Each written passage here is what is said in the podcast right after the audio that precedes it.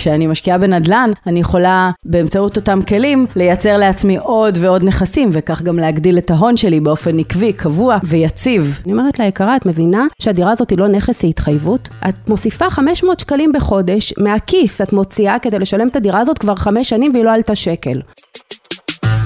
שלום לכם, אני גיא ליברמן, עורך הנדל"ן בעיתון גלובס, ואתם על כסף בקיר. פודקאסט על אנשים שהחליטו לשים את הכסף שלהם על נדל"ן. היום אנחנו מארחים את האחיות דליה ושרון לבית מוזס, שחיות ונושמות נדל"ן למרות שהן התחילו ממקום אחר לגמרי. שרון למדה קרימינולוגיה ועבדה מספר שנים בכלא עם אסירים, ודליה ביצעה מספר תפקידים בבנק מזרחי ובחברת הייטק. כיום הן מנהלות את נדל"ן נשי, חברה שעוסקת בליווי משקיעות. כן, נשים בלבד. אז לפני כמה שבועות עליתי על האופנוע ונסעתי לבית של דליה ברחובות. דיברנו על הזדמנויות, פינוי-בינוי וקרקעות חקלאיות. וגם על ענף מלווה המשקיעים, שבתחושה שלי הולך ונעשה צפוף. יאללה, בואו נתחיל. אני דליה מזקי מוזס, בת 46, נשואה לאיתמר, גרה ברחובות, אימא לארבעה ילדים. אני שרון מוזס ביטון, נשואה גם באושר לאלי, יש לנו ארבעה ילדים, לפני שנה עברנו לגליל להגשים חלום, ואני הקמתי את אה, נדל"ן נשי אה, בסוף 2017, ואחותי הצטרפה אליי, ואנחנו יחד אה, מנכ"ליות היום של נדל"ן נשי. 15 שניות, מה זה נדל"ן נשי? מה אתן עושות? בנדל"ן נשי אנחנו אה, עוזרות לנשים להגיע לבית שלהן, הבית האמיתי בלב שלהן, שמאפשר להן להגשים את עצמן גם כלכלית, לייצר ביטחון כלכלי, רשת הגנה. אנחנו מלמדות אותן להשקיע חכם ולהשקיע נכון, כדי לייצב את העתיד שלהן ושל המשפחה. תכף אני, יהיה לי מלא מלא שאלות למה דווקא נשים ומה אתן עושות, אבל אני רוצה לפני הכל להתחיל בלשאול, למה לי להשקיע בנדל"ן? למה לא לקחת את הכסף ולקנות מניות?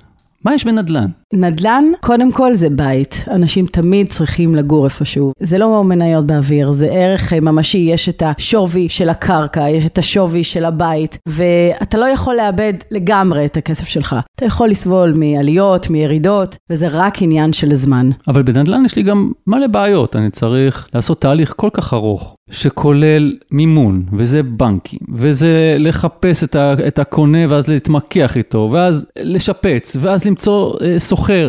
אני יכול את אותו הכסף לקחת ופשוט לעשות איזשהו מחקר כלשהו, לקוות שאני בסדר, ולקנות לי מניות, לשבת בשקט. הרי זאת השקעה וזאת השקעה. באמת, יש אנשים שזה מתאים להם ויש אנשים שזה מתאים להם. בעיניי זה לא בעיות כל מה שציינת, בעיניי כל מה שציינת זה כלים לייצר עוד ועוד הכנסה. מימון זה כלי שמאפשר לי להגדיל את התשואות שלי. כשאני משקיעה בנדל"ן, אני יכולה באמצעות אותם כלים לייצר לעצמי עוד ועוד נכסים, וכך גם להגדיל את ההון שלי באופן עקבי, קבוע ויציב.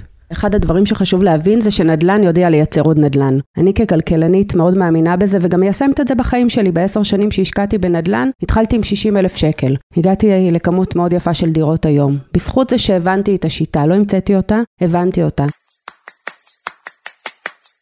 תראו, אנחנו כבר אחרי לא מעט פרקים בפודקאסט, ואני רוצה להודות על האמת שפגשתי מקצוע שבכלל לא הכרתי לפני שהתחלתי את המסע הזה, מקצוע שנקרא מלווה משקיעים, שזה מה שאתן עושות, ואם אני מרגיש נכון, המקצוע הזה ממש נמצא בפריחה. אז שרון, דליה, מה המשקיעות צריכות לצפות מכן, ובכלל, מה המשקיע צריך לצפות ממלווה משקיעים לדעתכן? אני מצפה מכל מי שמלווה משקיעים שקודם כל ידבר את השפה הנדל"נית ויסביר למשקיע או למשקיע שעומד מולו מה בעצם הצרכים שלו, מה האופציות שעומדות בפניו. אם אנחנו מדלגים על השלבים האלה, לבוא ולהציע ול, ולדחוף עסקאות, כן, לאנשים זה הכי פשוט. צריך לעשות האבחון צרכים.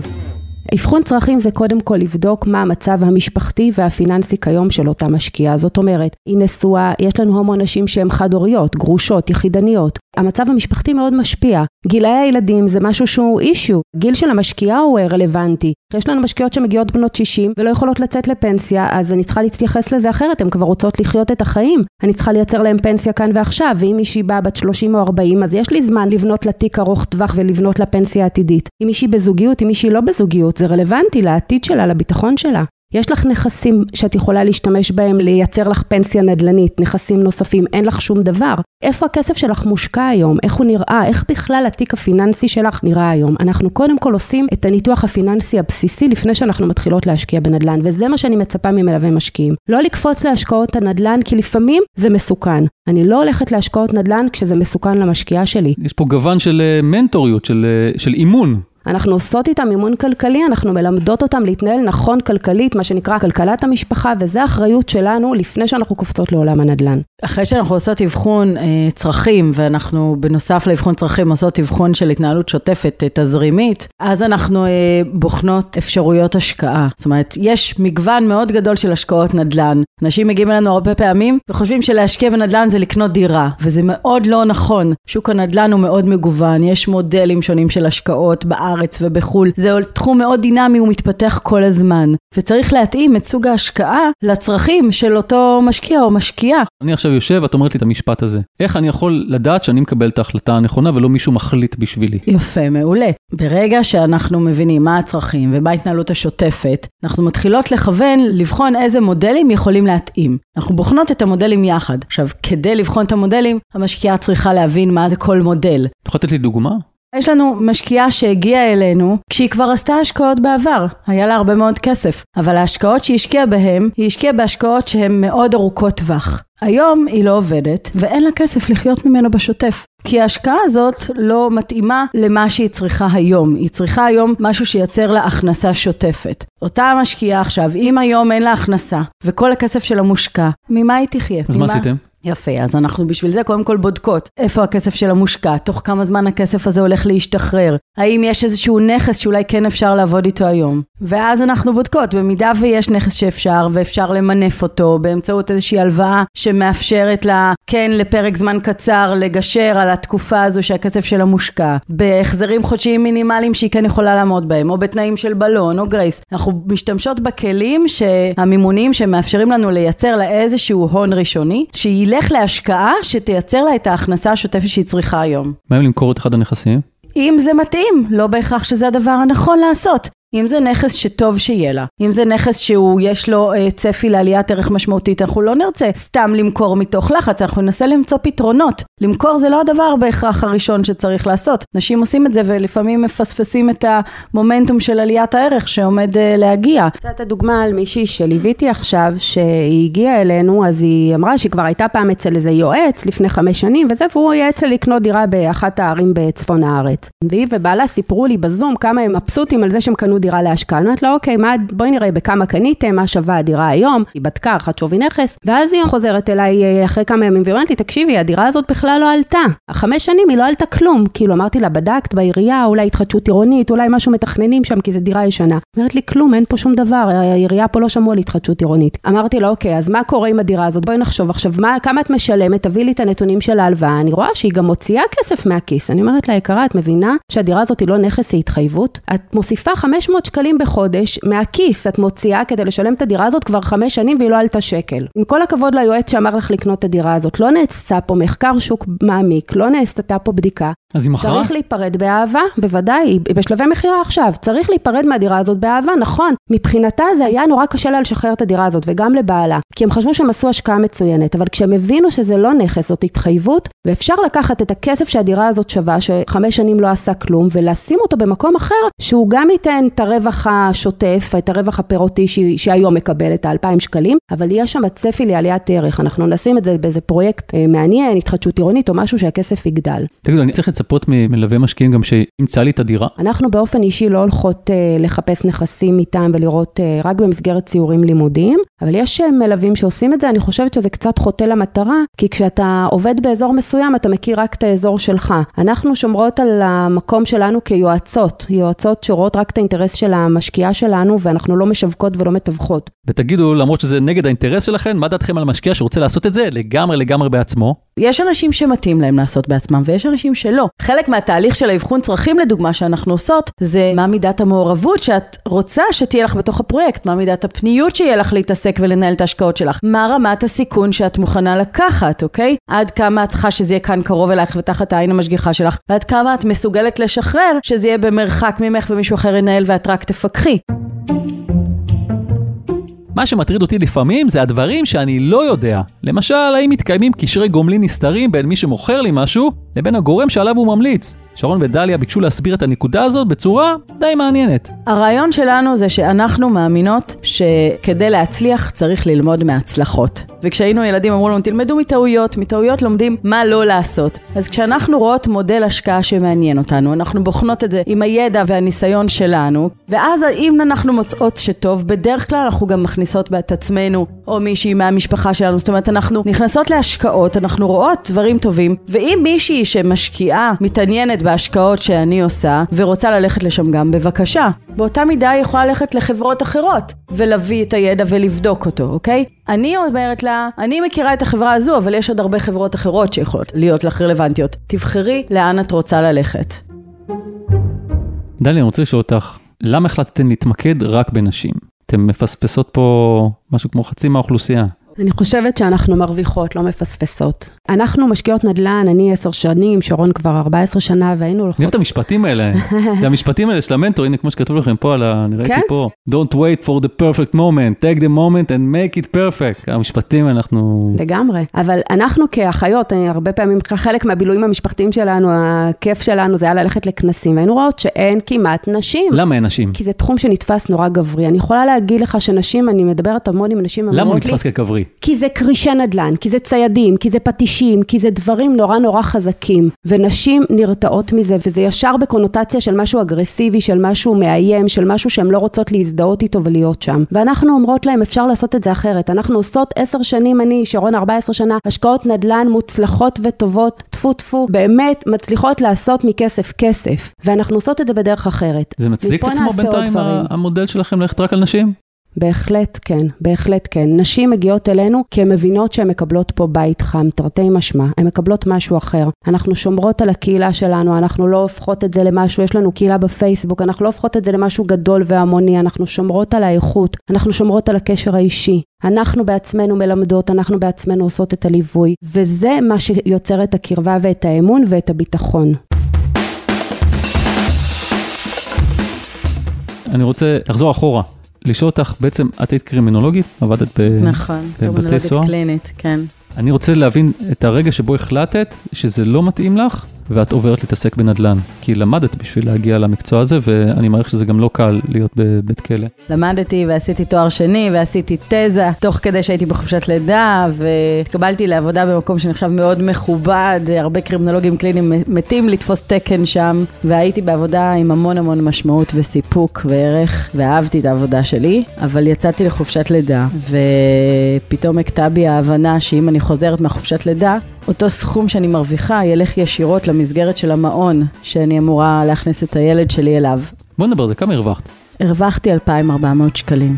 התקנים של קרימינולוגים קליניים בכלא זה או חצי משרה ושלושת רבעי, והייתי יחסית עדיין מתחילה, אז זה היה חצי משרה. ולאן יכלת להגיע? זאת אומרת, כשאת הסתכלת שלוש, ארבע, חמש יכולתי שנים להגיע קדימה? לשלושת רבעי משרה, שאולי הייתי מגיעה בטופ לאיזה 4,000 שקל, כי הייתי בעצם עובדת משרד הבריאות. ומשרד הבריאות, אה, לצערנו, משכורות לא מדהימות. עכשיו, בעלי היה סטודנט במכון ויצמן, על מלגה. ביחד הגענו בערך ל-6,000 ומשהו, קיצר, אתם שני תפרנים. כן. אז כשאני הבנתי שאני לא יכולה להתפרנס אה, ולייצר רווחה כלכלית ממה שאני מרוויחה שם, לקחתי את החופשת לידה הזו לחשוב מה עושים, ובכאב לב גדול החלטתי לעזוב את העבודה שהייתה לי.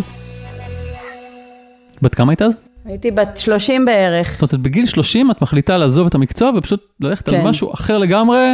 התחלתי להשקיע בנדל"ן עוד קודם, אבל להפוך את זה למקצוע, בתקופה הזו הבנתי שזהו, שאני עוזבת. אז רגע, אבל לפני שניה אמרנו שהייתם זוג תפרנים, איך התחלת להשקיע עוד קודם? לא מכספי, פשוט הלכתי ולמדתי השקעות נדל"ן, והבנתי שזה מעניין אותי, רציתי להשקיע, אבל לא היה לנו כסף. אז uh, פשוט מאוד התחלתי כחלק מהתרגיל, באותו קורס שעשיתי, לעשות מחקר שוק. ועשיתי מחקר שוק, וזה היה באותה תקופה ברחובות, כי שם גרתי, אזור של צפון ומרכז רחובות. וכשעשיתי את המחקר שוק, מצאתי איזושהי עסקה של דירה שכבר חצי שנה לא נמכרה, והבנתי שיש פה הזדמנות, אה, שאפשר להוציא אותה מתחת למחיר השוק. המתווך כבר היה מיואש, בעל הבית היה מיואש, והבנתי שיש פה הזדמנות. כשראיתי את הדירה, גיליתי גם מה הסיבה שהיא לא נמכרה הרבה מאוד זמן. היא הייתה בקומה האחרונה, ומי שהתגורר בדירה הזו במשך אה, תקופה מאוד ארוכה היו היונים, כי אף אחד אחר לא רצה להיות בדירה הזו. וכל מי שבא עד אז לראות את הדירה פשוט ברח ממנה, כי היא לא נראתה אטרקטיבית. למזלי, מבחינתי, החיפושים שלי ישבו על מחקר שוק, וזה באמת חשיבות האדירה של מחקר שוק, כי כשעושים מחקר שוק מגלים באמת מה הצרכים של קהל היעד שעושה עסקאות במקום. ואחד הדברים שאנחנו מסבירות ומלמדות, וזה מה שישב בבסיס של ההצלחה של העסקה הזו, זה להבין מהו אותו נכס מבוקש שאינו בנמצא. אז בכמה קנית, בכמה מכרת? קנינו ב-420, לא מהכסף שלי, כן? לא היה לי כסף, אני פשוט ראיתי עסקה טובה, עשיתי תוכנית עסקית, הבנתי שהפוטנציאל של הדירה הזו היה אה, לקנות ולמכור אותה אחרי זה למשקיעים שרוצים לפצל דירות. פשוט אה, לקחתי את התוכנית העסקית וחיפשתי, דיברתי עם כל מי שהכרתי, ומצאתי בן של דודה שלי שהיה חי בלונדון באותה תקופה, היה לו כסף, זמן לא היה לו להתעסק, וגם לא רצון להתעסק, וכיוון שהוא היה איש עסקים והוא הבין את התוכנית עסקית, אז הוא אמר לי, הנה הכסף, אני, מש... אני משלם, אני בא רק לחתום, את מטפלת בהכל, והתחלקנו ברווח. אז אחרי ארבעה חודשים שקנינו את הדירה הזו, אה, מכרנו אותה ב-120 אלף שקל יותר, בלי לעשות כלום. לא השבחנו, לא שיפצנו, לא טיטנו אותה אפילו. התקופה שאנחנו מדברים עליה היא שנת 2008. נזכיר, באותה תקופה התחיל הבום הגדול של הנדל"ן והמחירים התחילו לטוס למעלה. אז מבלי לפגוע בכל הקסם ששרון סיפרה לנו עכשיו, יכול להיות שהעסקה פשוט יצאה לפועל בתזמון המושלם? ספציפית בעסקה הזו זה לא נכון, כי מכרנו תוך ארבעה חודשים. אם זו הייתה עסקה שהייתי מספרת לך שקניתי וחיכיתי איתה שנתיים שלוש, אני מסכימה איתך. באותה תקופה זרקת אבן הערך שלה עלה. אבל זו הייתה עסקה מאוד קצרת טווח, לא עשינו שום דבר להשביח. מי קנה אותה? קנתה אותה אדריכלית, היא ובעלה, שרצו באמת uh, להיות uh, משקיעים ולפצל את הדירה. כל הרעיון הוא להבין מול מה את עומדת, מה הצרכים של השוק. כשאת רוצה לעשות עסקה טובה, תביני מה הצרכים של השוק. אנשים רצו דירות לחלוקה, קחו דירה לחלוקה. אחרי ההתחלה המוצלחת מבחינתה, שרון חיפשה עסקאות במבנה דומה, ולדבריה, גם מצאה. אחרי תקופה לא ארוכה, היא עזבה סופית את המקצוע, נפרדה מהכלא, ויצאה לדרך חדשה. הייתי מאוד פעילה ברחובות, ועשיתי גם תיווך וגם קבוצות רכישה, וגם אה, ליווי בקרקעות חקלאיות, ובארץ ובחו"ל. ב-2011 התחלתי להשקיע בארצות הברית, וככה זה הלך והתפתח, המון המון יזמות, התחדשות עירונית.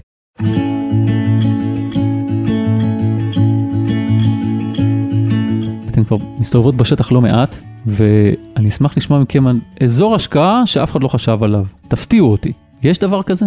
בישראל. זה גם קשור לאזור, אבל לפני כן אני רוצה מאוד לשים אה, דגש על סוגים של השקעות, שאנשים פחות אה, נוטים להתעסק בהם בארץ, למרות שיש קצת אה, טרנד, אבל הטרנד בא לצערנו ממקום של שיווק ופרסום, ולא ממקום של הבנה אמיתית של הפוטנציאל. כשמישהו מתחיל להשקיע בגיל צעיר יחסית ורוצה לתכנן את עצמו לטווח ארוך, אז אחת ההשקעות שיכולות להיות מאוד מאוד רלוונטיות לו, לא, היא השקעה בקרקע חקלאית. זה משהו שנגיד, כשאנחנו עושות אבחון צרכים ואנחנו רואות על מישהו שלאורך שנים לעשות הגדלת הון משמעותית כדי לאחרי זה לקנות את בית החלומות שלו, אז בוא, תשים את הכסף במשהו שאתה בטווח של העשר שנים האלה, הכסף שלך יכול לעשות מאות אחוזים.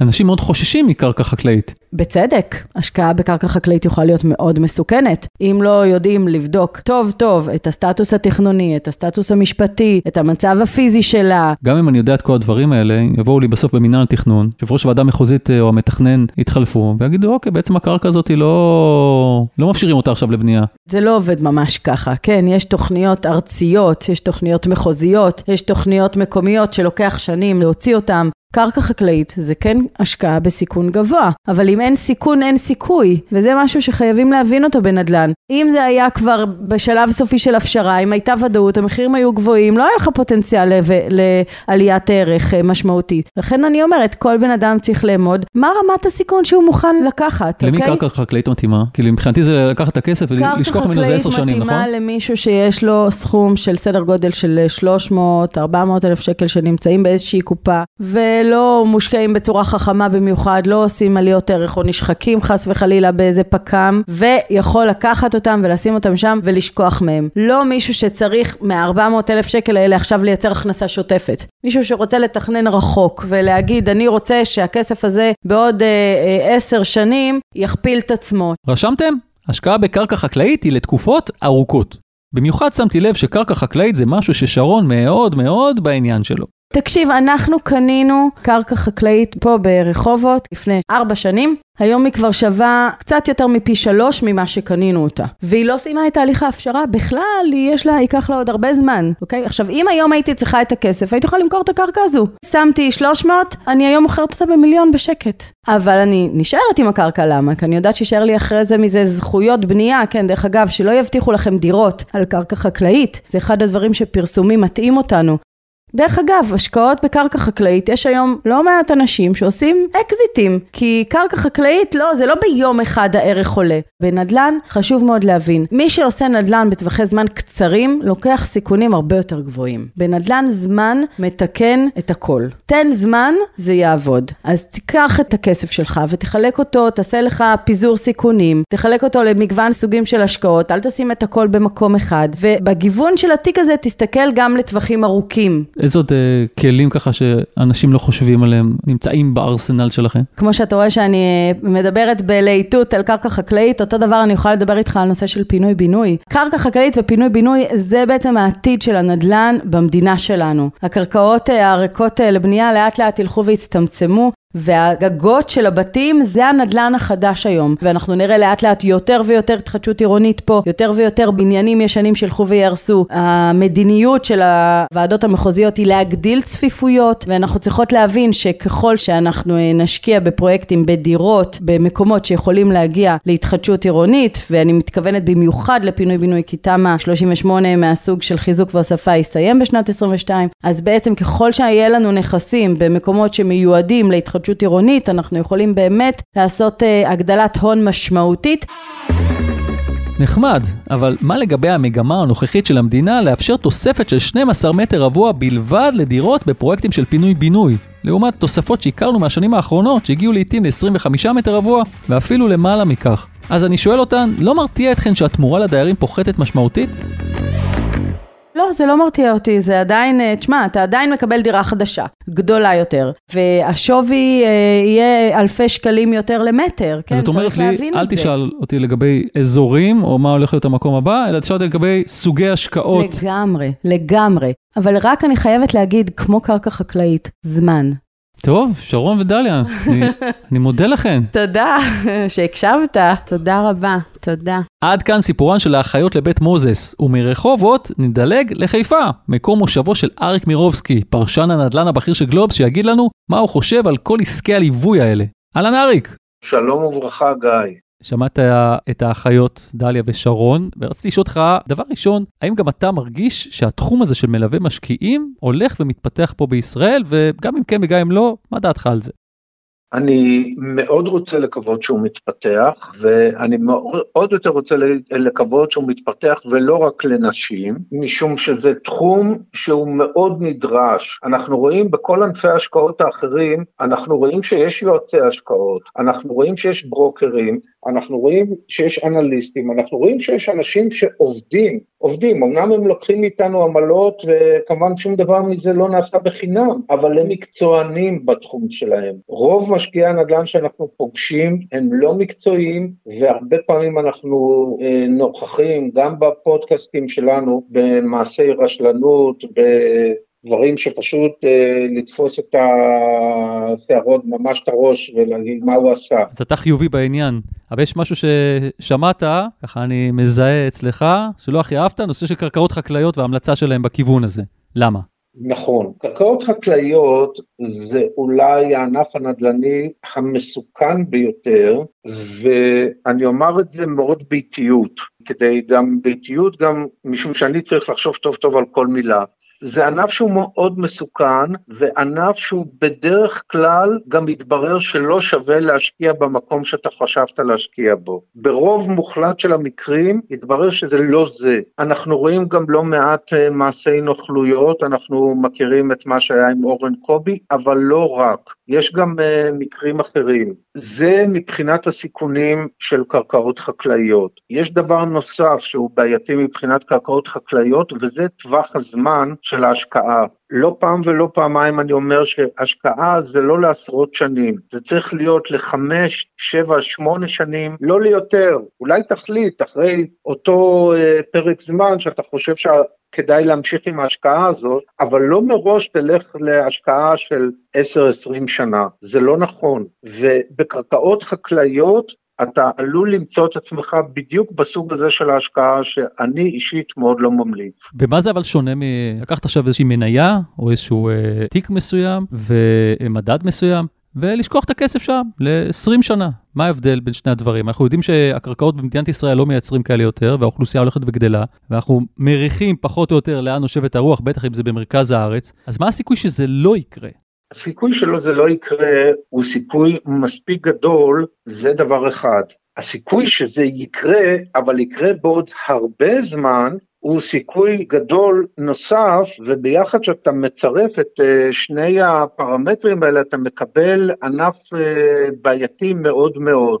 אם אתה מוסיף לכל זה את העובדה שעד היום השטח הבנוי במדינת ישראל הוא פחות מ-15% מכל שטחי המדינה שלנו, אז אתה יכול להבין שיש מספיק שטחים שהם אה, לא מפותחים, אבל מיועדים לבנייה, ואם אתה לוקח שטח חקלאי בתול, זאת אומרת שאין עליו שום הליך תכנוני ואתה לא רואה שום סימן להפשרה באופק, אז המדינה לא באמת צריכה את החתיכת קרקע הזאת. אוקיי, אריק, מאוד מאוד מודה לך על הדברים. אנחנו כמובן אה, נשמח לשמוע עוד ועוד דעות בעניין הזה, ואנחנו גם אה, נעסוק בעונה הזאת בקרקעות חקלאיות, ותודה שבאת, אריק, תענוג. להתראות. ביי ביי.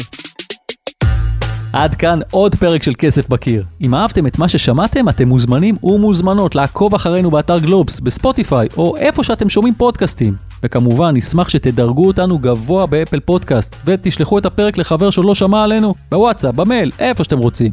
זה יעזור לנו להגיע ליותר ויותר מאזינים. אם אתם בעצמכם משקיעים בנדל"ן ורוצים לספר לנו על ההשקעה שלכם, שילחו מייל לכתובת כסף.בקיר at globes.co.il. אותיות באנגלית כמובן.